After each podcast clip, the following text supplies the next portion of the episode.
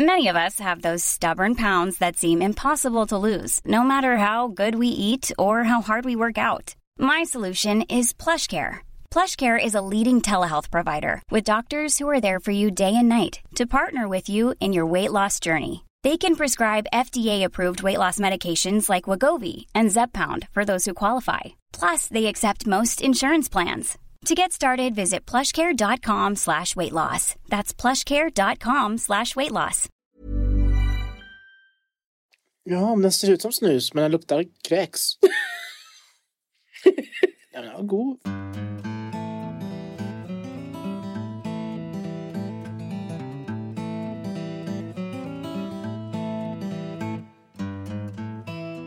Du lyssnar på sjätte ölsinnet och jag får väl kanske börja med att tacka för senast.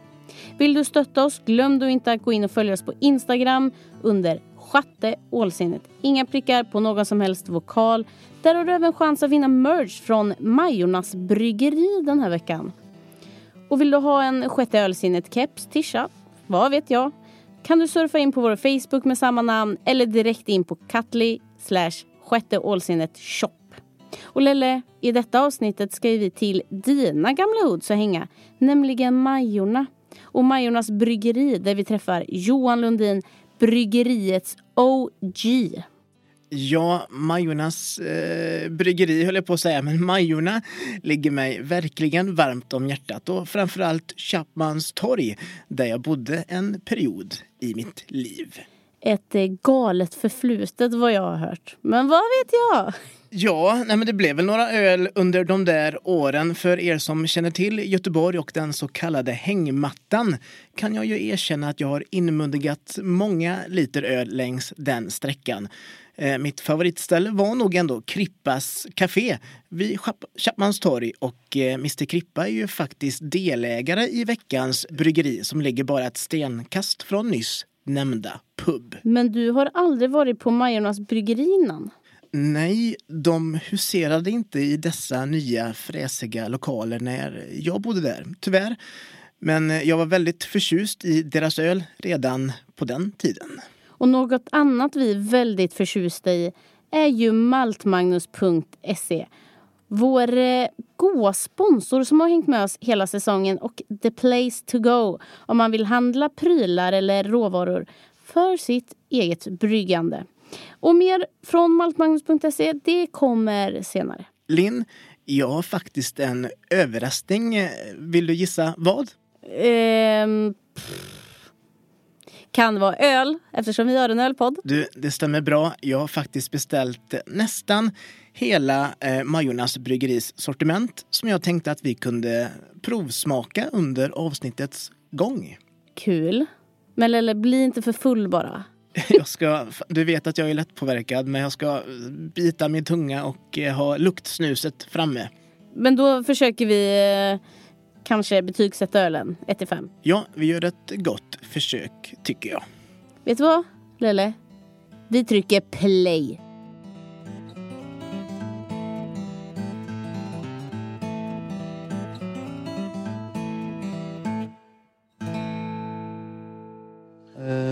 Det är jag som är Johan Lundin och eh, ja, är väl huvudbryggare här kan man säga på Majornas eh, och har varit med hela tiden sen vi startade.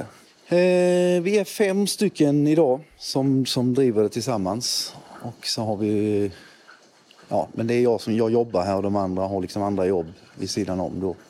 Eh, Krippa, det började egentligen med när han startade kaféet så eh, ville han ha en egen öl och då eh, kontaktade han oss. Så vi tog fram en eh, unik öl bara för kaféet och bryggde åt honom ett tag. Och sen eh, gled han liksom in och blev då en av, av eh, ja, delägarna då. Vi ser eh, ett ganska nytt bryggeri får man säga. Eh, vi flyttade ju hit till de här lokalerna sent 2019. Så att eh, Eh, den här lokalen eh, som är en gammal banklokal är då helt ändamålsenligt byggd för att vara ett bryggeri. Och vi har ett bryggverk där vi kan brygga 1200 liter ungefär. Och så har vi eh, sex stycken eh, jästankar då. Eh, så att det är ju jästankarna egentligen som styr hur mycket vi kan då brygga vi har ju liksom bryggverket är ju då eh, uppdelat i tre stora sådana här partier kan man kalla det. Eh, där vi har hetvatten och en mäskpanna. Och här liksom blandar vi då varmt vatten och eh, malt som får ligga där i en timme ungefär kanske i varmt vatten. Sen eh, pumpar vi över det till eh, kokkärlet där bakom oss. Eh, och när vi pumpat över detta så lakar vi också igenom mer vatten för att få med oss eh, ja, sista från malten med smaker och socker. Sen kokar vi det en timme där ungefär. Och eh, bredvid här har vi ett lite plattvärmeväxlare som vi då kan kyla ner. Det är ju det är tusen liter drygt som ska kylas ner. Eh, så det, det, krävs, ja, krävs i någon form av kylanordning då, så vi har en sån här plattvärmeväxlare. En ganska fiffig sak där vattnet, kallvatten går in på ena hållet och ölen strömmar på andra. Eh, och då får du massa varmt vatten då också över som vi sen pumpar tillbaka hit här och kan använda till nästa bryggning. Eh, för vattnet är ju rent så att säga. Och kyler den, biter inte kylan så kan vi också putta på glykol. Och sen så pumpar vi över det till, då, till någon av de här tankarna där det får stå en, en månad ungefär. Det kan variera lite vad det är för sorts öl. Då är det dags för eh, det första testet här och eh, jag har Majornas Älvsborgs lösen som är en porter. Ganska stark eh, eh hantverksöl. Mm. Smakade absolut lite, den smakar lite tyngre. Lite tjockare, lite mörkare. Mm. I like it. Mm. Undrar om jag är en sån som tycker om mer mörk öl. Du har bara gått och fegat i alla år. Mm. Alltså den får tre och en halv. Mm. Tre och en halv eller fyra. Ja, tre och en halv. Eh, när vi började i vår gamla lokal så var det ju en väldigt, väldigt liten källarlokal. Eh, det var väl egentligen en eh, förväxt eh, hembryggnings, eller ett hembryggningsprojekt som spårade ur lite. Eh, vi var från början fem stycken eh, hembryggare som gick samman då och eh, bryggde eh, under något år eh, som var ganska lärorikt och givande då för då var det någon som var väldigt tekniskt intresserad någon var väl väldigt så smakintresserad med recepten. Men framförallt så hade vi lika olika ingångar på vad som var en bra öl. Så vi hade ganska olika smakbilder av öl. Vilket gjorde att man liksom fick... Vi bryggde ganska varierat, eh, varierat med sorter då. Eh, och det var då i en liten källarlokal. Eh, så, så bildade vi en ekonomisk förening eh, 2014 med tanken att vi skulle ge ut en öl bara sådär, lite naivt.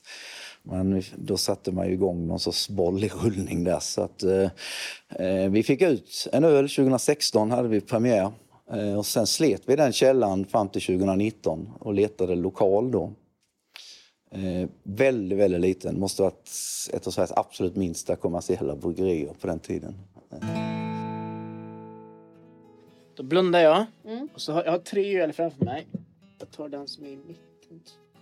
Varför blundar jag om jag ändå bestämmer mig för att ta den som är i mitten? Man skulle kunna tro att vi är berusade. Men det här, vi har precis börjat. Detta är min första öl. Jag är bara förvirrad. Majornas kaparkung. Jag är så jävla nyfiken på de här namnen. Kaparkung. Skriv på Instagram om ni vet. Johan, berätta vad betyder de? Vi behöver veta. 6,7 procent och det här är en IPA.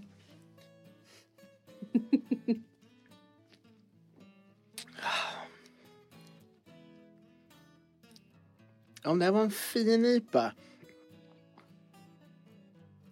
Varken jag eller Linn är ju IPA-älskare.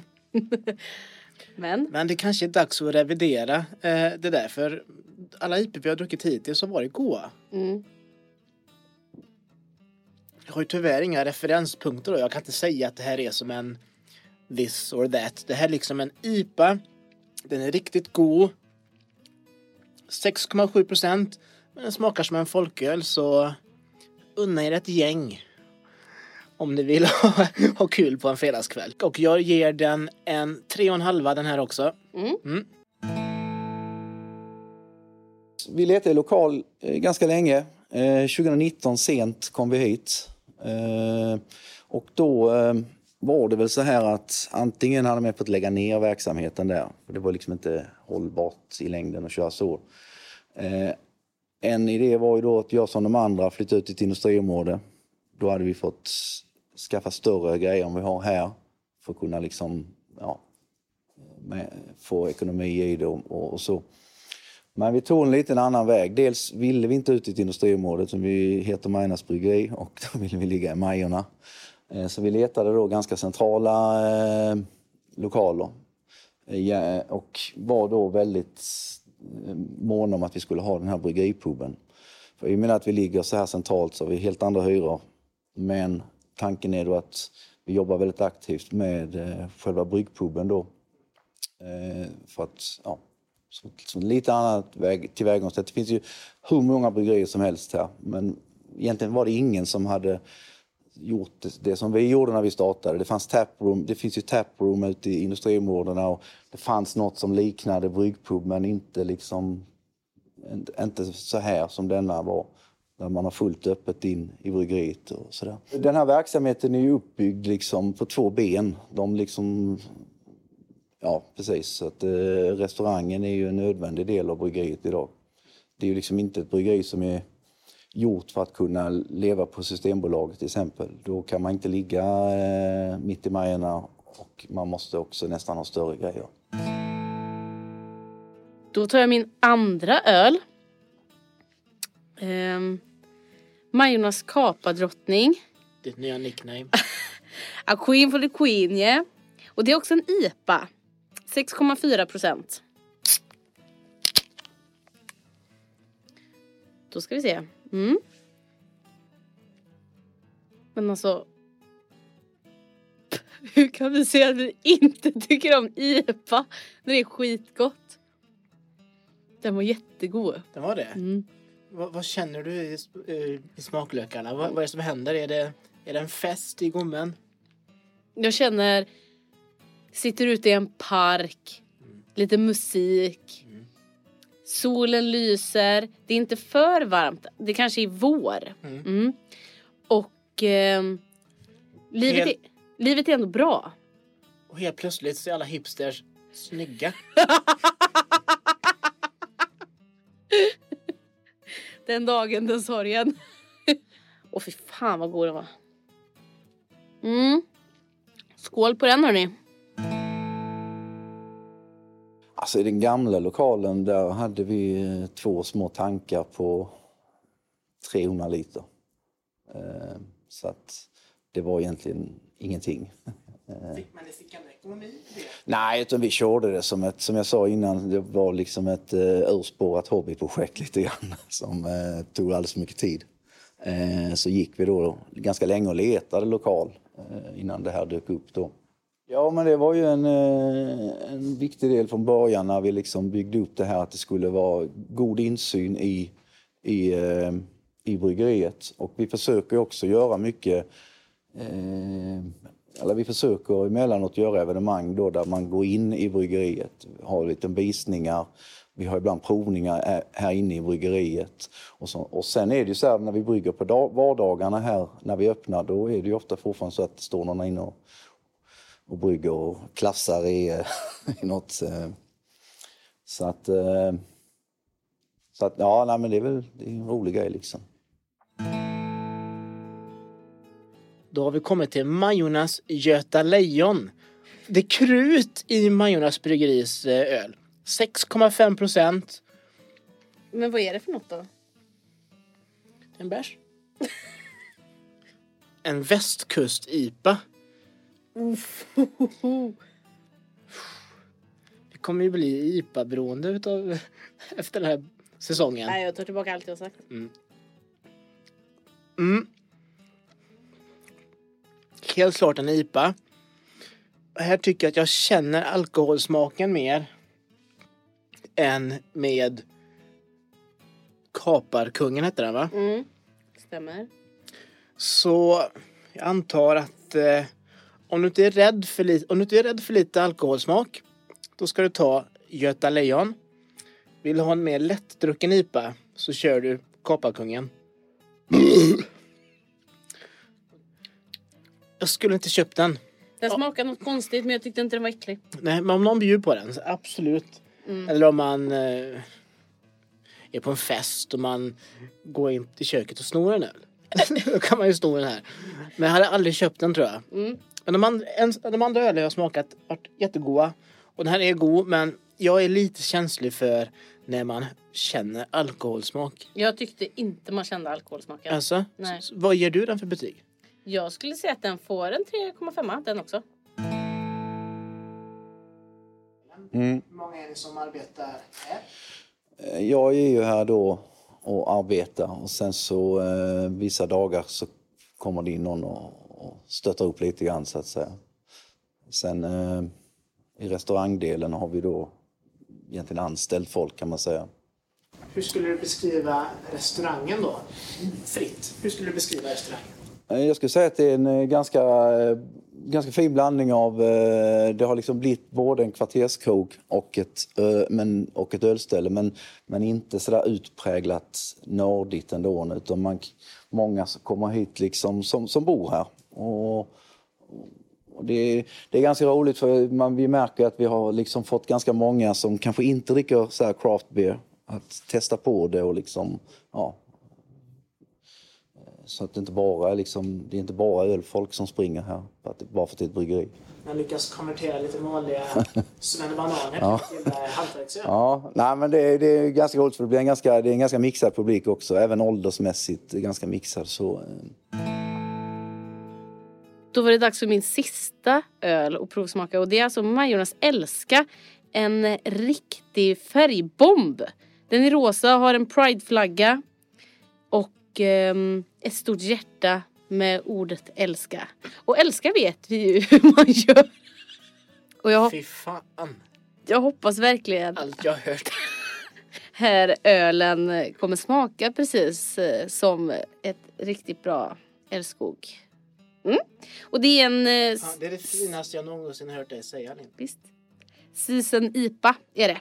Så let's rock and roll. 4,9 är det för övrigt om ni undrar. Mm. Jag försöker, tol- jag försöker tolka Linns eh, minspel här nu. Jag är osäker på om hon är helt betuttad eller kanske besviken. Svaret får vi nu. Mm. Ehm, jag känner att det här är anledningen till att jag säger att jag inte är en IPA-person.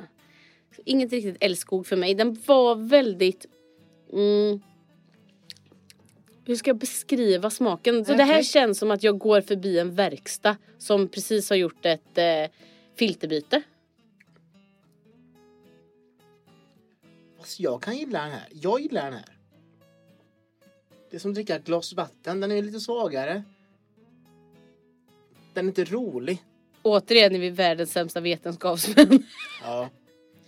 Hoppas att det finns någon liten charm i det som lys- lyssnarna kan uppskatta. Okej. Betyg? Ja, den får nog en eh, tvåa. Den var inte äcklig men den Nej. föll mig inte i smaken. Jag ger den en 3,5. Eller kanske en 4. För den är... Den har något. Vad har ni för eh, sortiment då? Vad brygger ni för? Mm, vi brygger ju mest, ja, mest brygger vi ale. Eh, Och porter brygger vi som i och för sig är en form av ale men eh, ale och porter är det vi liksom bryggt längst. Sen har vi då även nu på senare börjat brygga lageröl också. Så att eh, inte suröl dock har vi inte börjat brygga. Nej. Men, eh, Är det för att eh, ni själva inte tycker om det eller är det för att... Ja, det beror nog på vem du frågar, men, men jag gillar ju det. Eh, nej, det är nog mer bara att eh, det har varit, eh, vi har inte varit här jättelänge. Eh, det har varit ganska mycket land i så att vi har liksom tagit det lite stegvis. Och när, när hade ni invigning på det här stället? Ja, den var ju lite otaktiskt eh, strax innan pandemin slog till. Så att eh, vi har haft en ganska jobbig start här eh, under ja, vi hade bara varit igång två månader ungefär eh, när det slog till. Så att eh, då fick vi ju styra om verksamheten ganska mycket, eh, planera om. Vad behövde ni ta för steg för att överleva pandemin då? Ja, dels var det ju, det var ju mycket jobb med det ekonomiska naturligtvis eftersom det fanns rätt stora investeringar och en plan på, på detta och den fick, de fick ju göras om. Så fick vi anpassa det därefter så gott det gick. Och eh, även eh, många evenemang och sånt där fick vi ju stry, stryka då. Men vi har kunnat köra en del eh, grejer i mindre grupper. Framförallt så har vi kört eh, kontinuerligt under hela tiden eh, bryggkurser som eh, väl varit ganska uppskattade och eh, de är ju fullsatta varje gång. Kan du berätta om en sån här bryggkurs? Vad, vad gör ni? Vad får man lära Ja den, sig? ja, den vänder sig egentligen till eh, de som inte, eller som vill börja brygga hemma eller som har precis börjat kanske brygga hemma och vill bygga på kunskapen. Så vi är här inne i det stora bryggeriet och brygger då på eh, ett litet bryggverk som är ja, som för hemmabruk då. Och parallellt med detta så visar vi också på det mer traditionella sättet med sådana här kokgrytor då eh, som man kan göra på spisen. Eh, och då eh, börjar vi från scratch liksom och blanda ihop malt och vatten och, och eller vi börjar egentligen med en teoretisk genomgång eh, hur en bryggdag ser ut och vad det är som händer och lite sådana grejer. Sen kör vi då igång och brygger. Från att vi lägger i malt och annat tills att vi då tappar det på en, en jäshink. Och eh, det brukar vara en hel dag ungefär som vi kör på helgen. Så varje kurs är ett tillfälle? Ja, en, en hel dag då. Och eh, när vi då har bryggt den där ölen så eh, då, då kan det vara önskvärt att man då, sen ska den ju jäsa och tappas och då kan det vara önskvärt att man får plocka hem den där ölen och dricka den. Men eh, nu är vi i Sverige så att eh, då gör man inte på det viset ju. Eh, den ölen som vi brygger här eh, på det lilla bryggverket eh, den, eh, den omfattas av samma regler som, som om jag brygger på stora bryggverket här.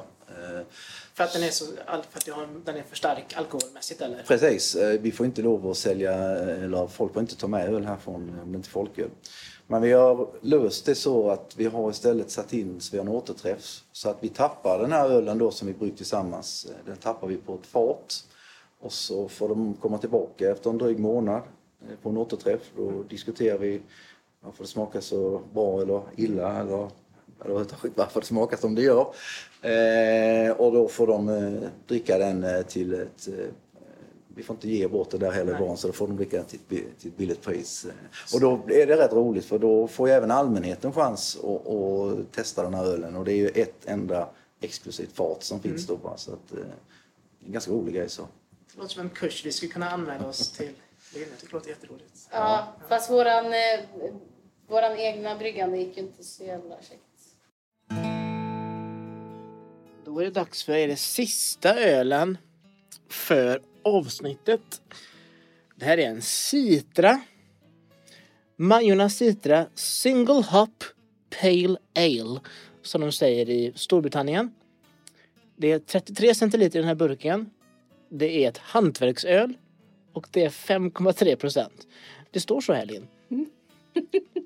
Och om jag vrider på omslaget så är det en, en vacker dam som plockar citron antar jag att det är. Att det är. En dama i din eh, style. Mm. Det får jag erkänna att det är. Det luktar... Åh, det luktar verkligen... Åh, Linn. Det luktar verkligen fotsvett.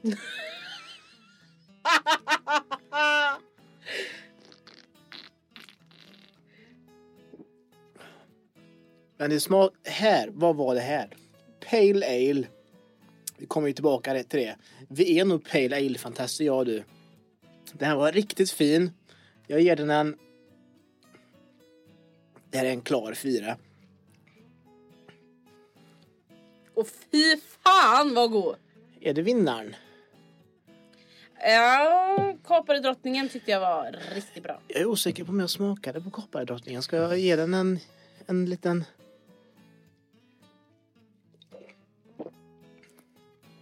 Ja, Kapardrottningen är vinnaren. Mm. Citra kommer tvåa. Mm. Jag tror att eh, Göta Lejon kommer trea. Och sen får du bestämma mellan lösen och eh, älska. Sen har vi också kungen. Den var magisk. Den, den har jag redan druckit upp. Ja men då kommer väl den kanske på delad första plats då. Mm. Mm. Sen skulle jag säga att lösen kommer eh, efter och sist kommer älska. Den föll mig inte riktigt i smaken. Du Nej. tyckte den var godare än vad jag gjorde. Ja. Den här veckan vill vår sponsor maltmagnus.se fokusera på enzymer i samarbete med AIB. Vi sätter igång direkt va? Ja. Endosym Brumix Plus används för att säkerställa att man alltid får ett högt och bra utbyte av malten vid mäskning. Endosym Brumix Plus minskar viskositeten vilket gör att man får en enklare och kortare avsilning och undviker att det slår stopp i maltbädden. Den här produkten säkerställer helt enkelt att du får jämna resultat och förkortar även din bryggdag då du har bättre möjlighet att undvika stackmash. En till fördel med Endosym Brewmix Plus är att det är enklare att få ett klarare öl vid filtreringen. Det stämmer bra det eller? Jag, jag vill slå ett slag för Endosym Protease GF. Den används för att minska glutenhalten i ölet till under 20 ppm, vilket är gränsen för glutenfritt öl. Den används även för att motverka så kallad chill haze. Endosym Protease GF bryter effektivt ner proteiner, inklusive gluten, utan att påverka skumstabiliteten i ölet. Fler fördelar är att den ökar det färdiga ölets hållbarhet men påverkar varken smak, lukt eller skumbildning. Den är enkel att använda och ingen speciell utrustning krävs. Perfekt för oss med lite känsligare magar. Och att tänka på om du producerar glutenfri öl. För att få kalla din öl för glutenfri måste den testas på ett godkänt laboratorium eller analysföretag för att kunna styrka att din öl hamnar under rådande gränser för glutenfria produkter. Vill du förbättra ditt öls kvalitet? Använd koden TRYAEB hos maltmagnus.se. Du kan koden vid det här laget TRYAEB hos maltmagnus.se för att få 20 rabatt på AEBs sortiment vid ett köptillfälle. Koden är giltig till och med 31 december i år. Quality sleep is essential. That's why the Sleep Number Smart Bed is designed for your ever evolving sleep needs. Need a bed that's firmer or softer on either side? Helps you sleep at a comfortable temperature? Sleep Number Smart Beds let you individualize your comfort so you sleep better together. JD Power ranks Sleep Number number 1 in customer satisfaction with mattresses purchased in-store. And now save 40% on the Sleep Number limited edition Smart Bed for a limited time. For JD Power 2023 award information, visit jdpower.com/awards. Only at Sleep Number stores or sleepnumber.com. There's never been a faster or easier way to start your weight loss journey than with PlushCare. PlushCare accepts most insurance plans and gives you online access to board-certified physicians who can prescribe FDA-approved weight loss medications like Wigovi and Zepbound for those who qualify. Take charge of your health and speak with a board-certified physician about a weight loss plan that's right for you. Get started today at plushcare.com slash weight loss. That's plushcare.com slash weight loss. plushcare.com slash weight loss. Men eh, du, hur tänker ni med råvaror? Så vi har ju lite malt eh, här bakom oss. Det finns ju... Eh, när det gäller malten så... Vi köp, försöker köpa svensk malt för det mesta. Eh, inte alltid. Eh, lite beror på vad vi brygger och vad man kan få tag i. Eh, vi är inte miljöcertifierade, vilket annars är en sån tanke som vi har haft. Eh, men vi har liksom... Det är ytterligare en sån här grej. Vi har, precis, vi har inte varit här så länge. Vi har haft pandemin. Så att, eh, men det finns sådana tankar också om att nyttja eh, mer lokalt. Det finns ju även, vi skulle vilja utveckla, eller utveckla, vi skulle vilja jobba med några sådana här lokala eller regionala eh, humleodlare och, och göra något med svensk traditionell humle och, och svensk eh, lokalodlad malt då.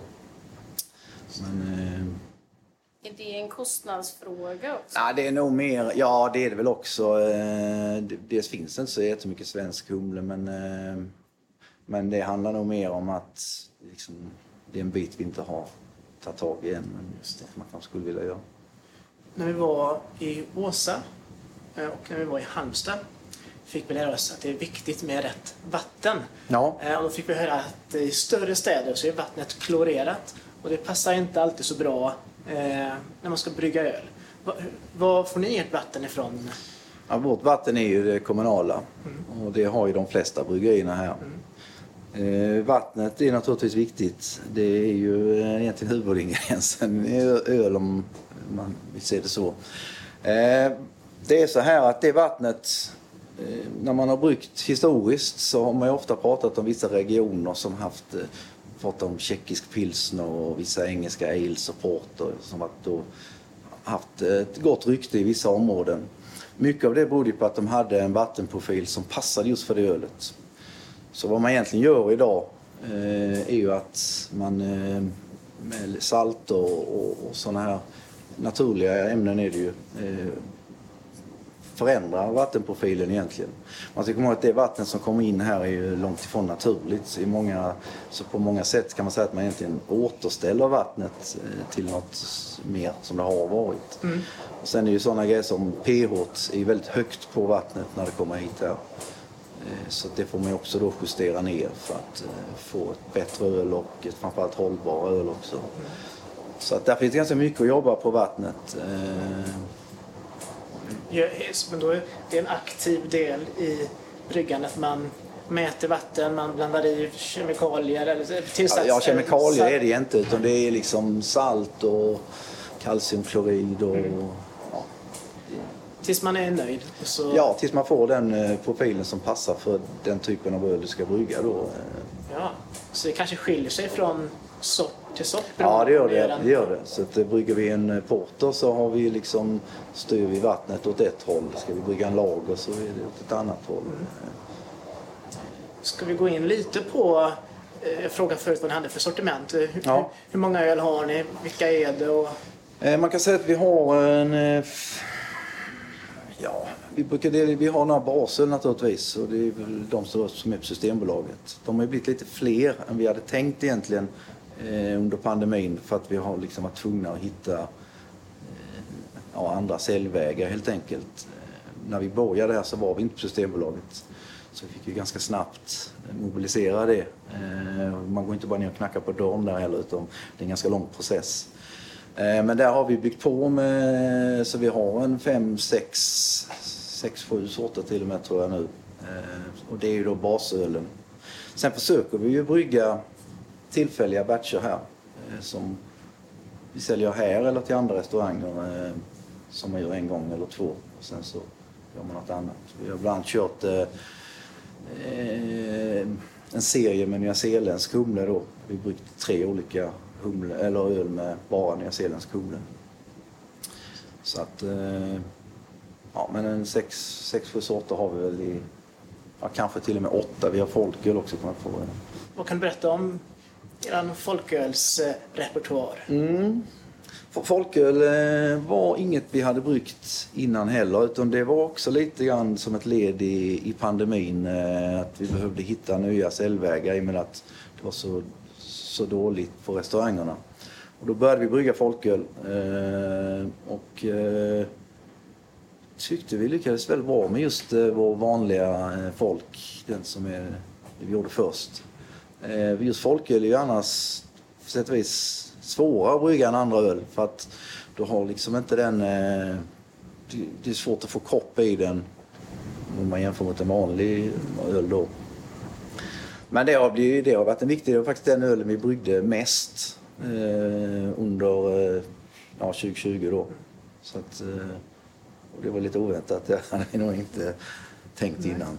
Vad är det som gör att ett folköl är krångligare än ett starkare öl? Nej, det är egentligen inte krångligare. Det är ju det att eh, du är begränsad eh, just om du har... eh, Du får mycket mindre malt i en sån, så det är svårt att bygga upp kroppen.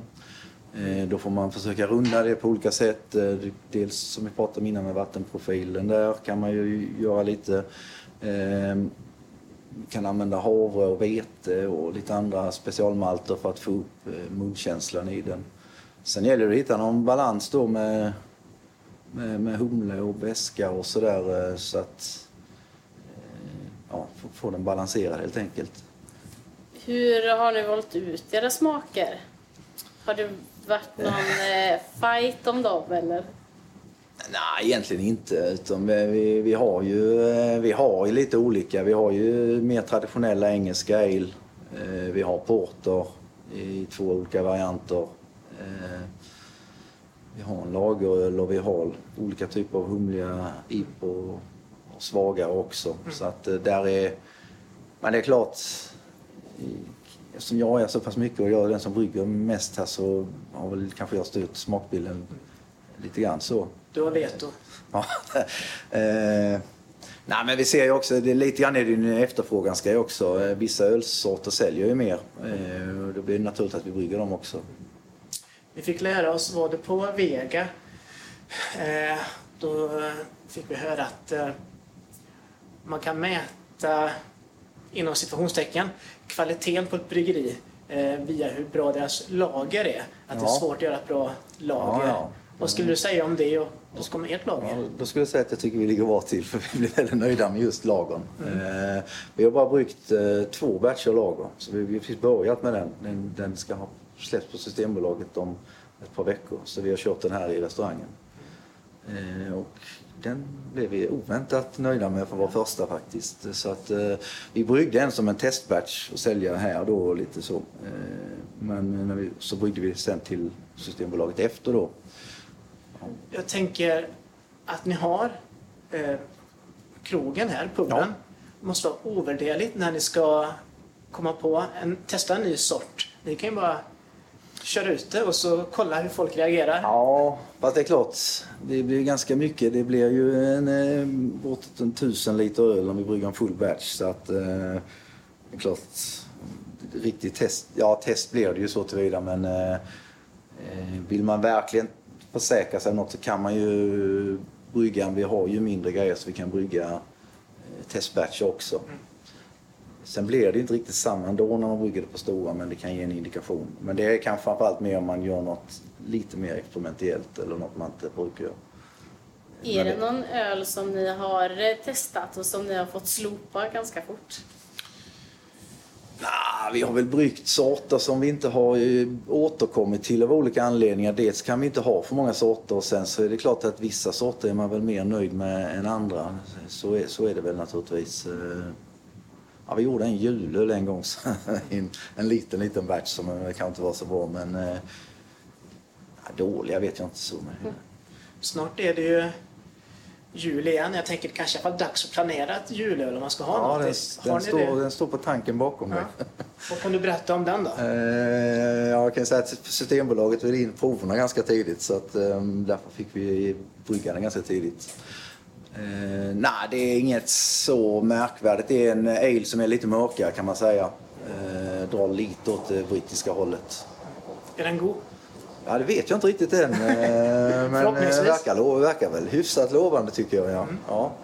Eh, den är ganska ny. Den står på tank så tappas om någon, någon vecka. Det är, det är först när, vi, när den börjar få kolsyra och eh, kallkraschas så att den blir kall så man kan liksom riktigt känna. Man kan ju naturligtvis eh, få en indikation redan innan.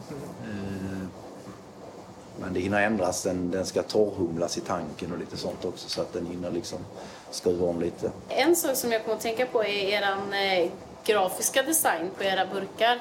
Ja, vart kommer den ifrån? Eh, när vi försöker eh, jobba med lokala eh, ja, citationstecken konstnärer, eh, vänner, eh, ja, folk som har den talangen.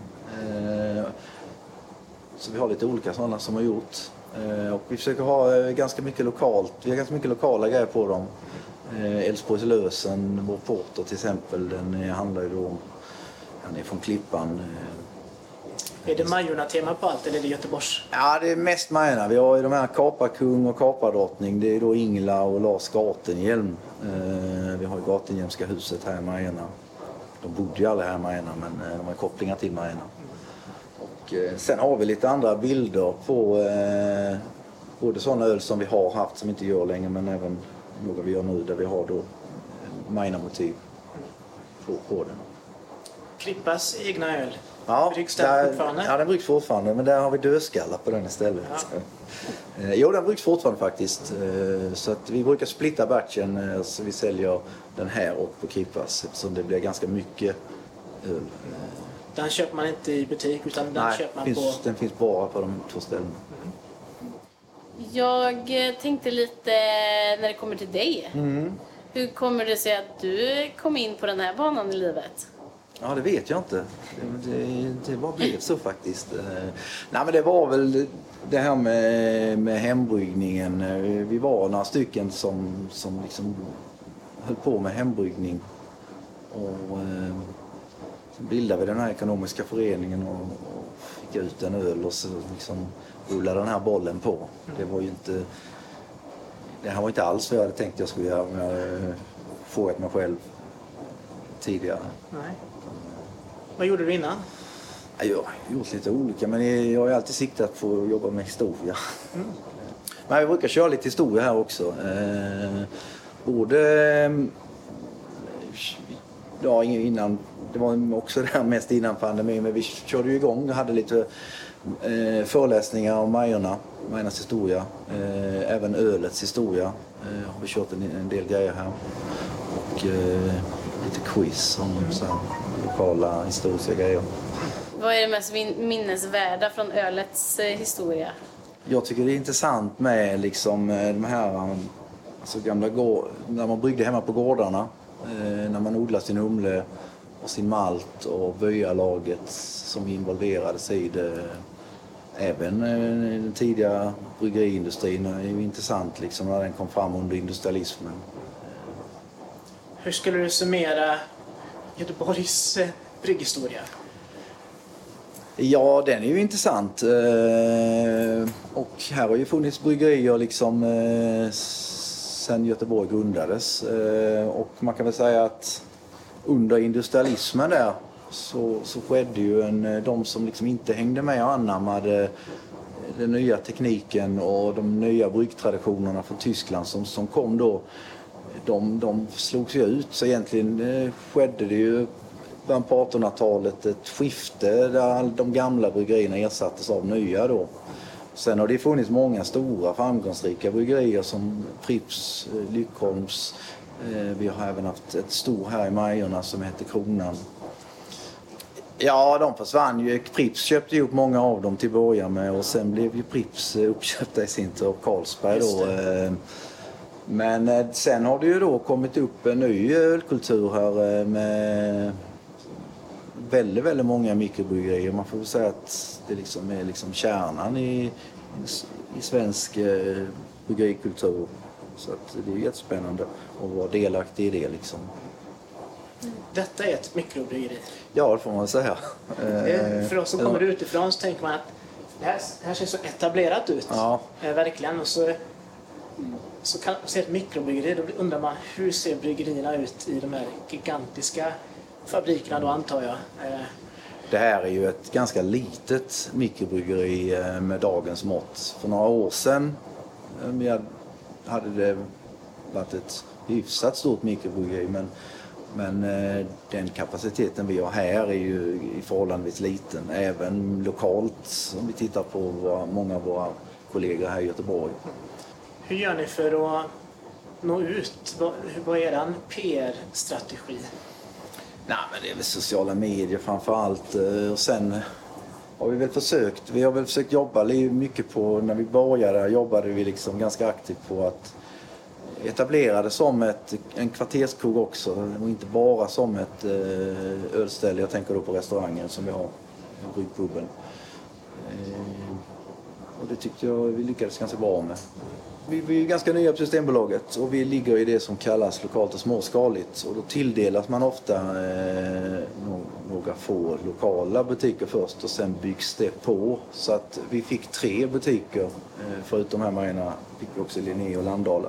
Sen har det byggts på med ett par stycken. Eh, Ölstudion i Nordstan och Högsbo, Eriksberg. Eh, Så att det har du efterhand.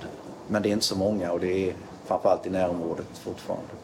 Utrustning och förutsättningar vi har nu så, så är väl kanske ändå gränsen nådd där. Första hand till eh, vår egen bryggpub och även en del andra restauranger. Så att Systembolaget är ju egentligen en sekundär grej från början här. Öl är spännande så tillvida att det är ju egentligen eh, en ganska enkel ganska enkel process. Det är inga jättekomplicerade moment. Det är ganska få ingredienser. Eh, men om man liksom tittar på hela processen från att du börjar välja ut råvarorna tills eh, du jäser den så finns det väldigt många eh, spakar och verktyg att använda under resans gång som då gör varför ölet smakar som det gör i slutändan. Vad kan du berätta om dina kollegor? Mm, vi är fem stycken eh, och Krippa är ju, han är ju han har ju sitt café då så han har ju liksom erfarenhet av, eh, av restaurangbiten som var väldigt nyttigt när vi startade upp här. Och sen har vi en som är ekonom, ekonom till yrket vilket ju aldrig är fel när man ska starta upp en sån här grej. Eh, vi har en till som, två till som är då hembryggare. Ehm, Eh, en som dessutom jobbar med det grafiska. Så att jag har ganska olika bakgrund eh, och det har, ju, har vi mycket nytta av. Vad är det som ni har i pipeline här eh, näst?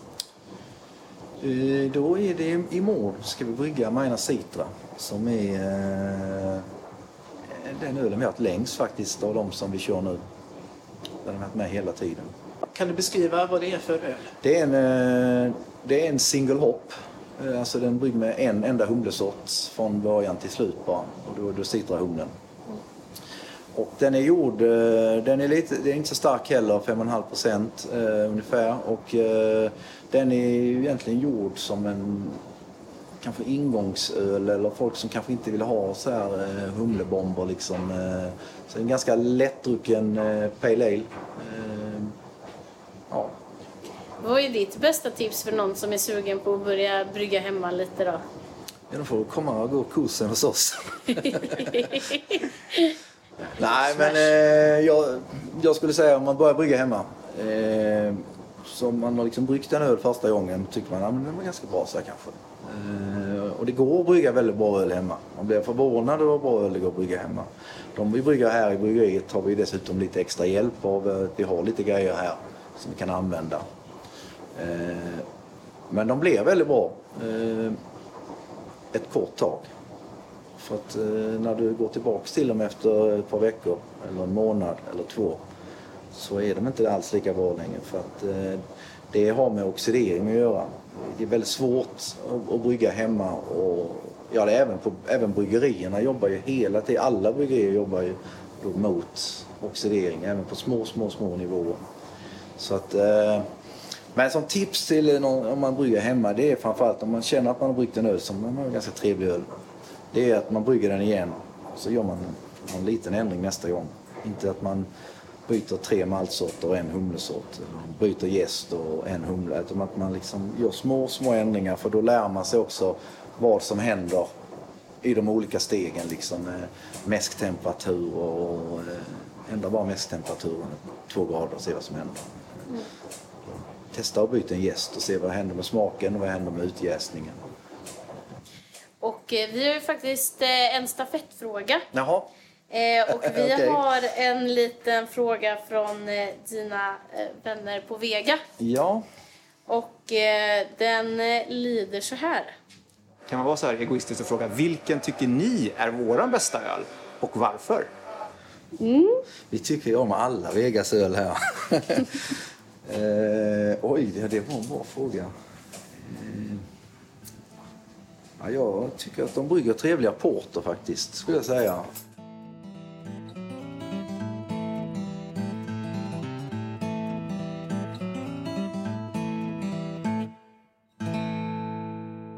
Lelle, vi lovade ju att inte köra något fylleslag i podden, men det blev det ju. Ja, eh, jag kan bara tala för mig själv och eh, lite lullig blev jag.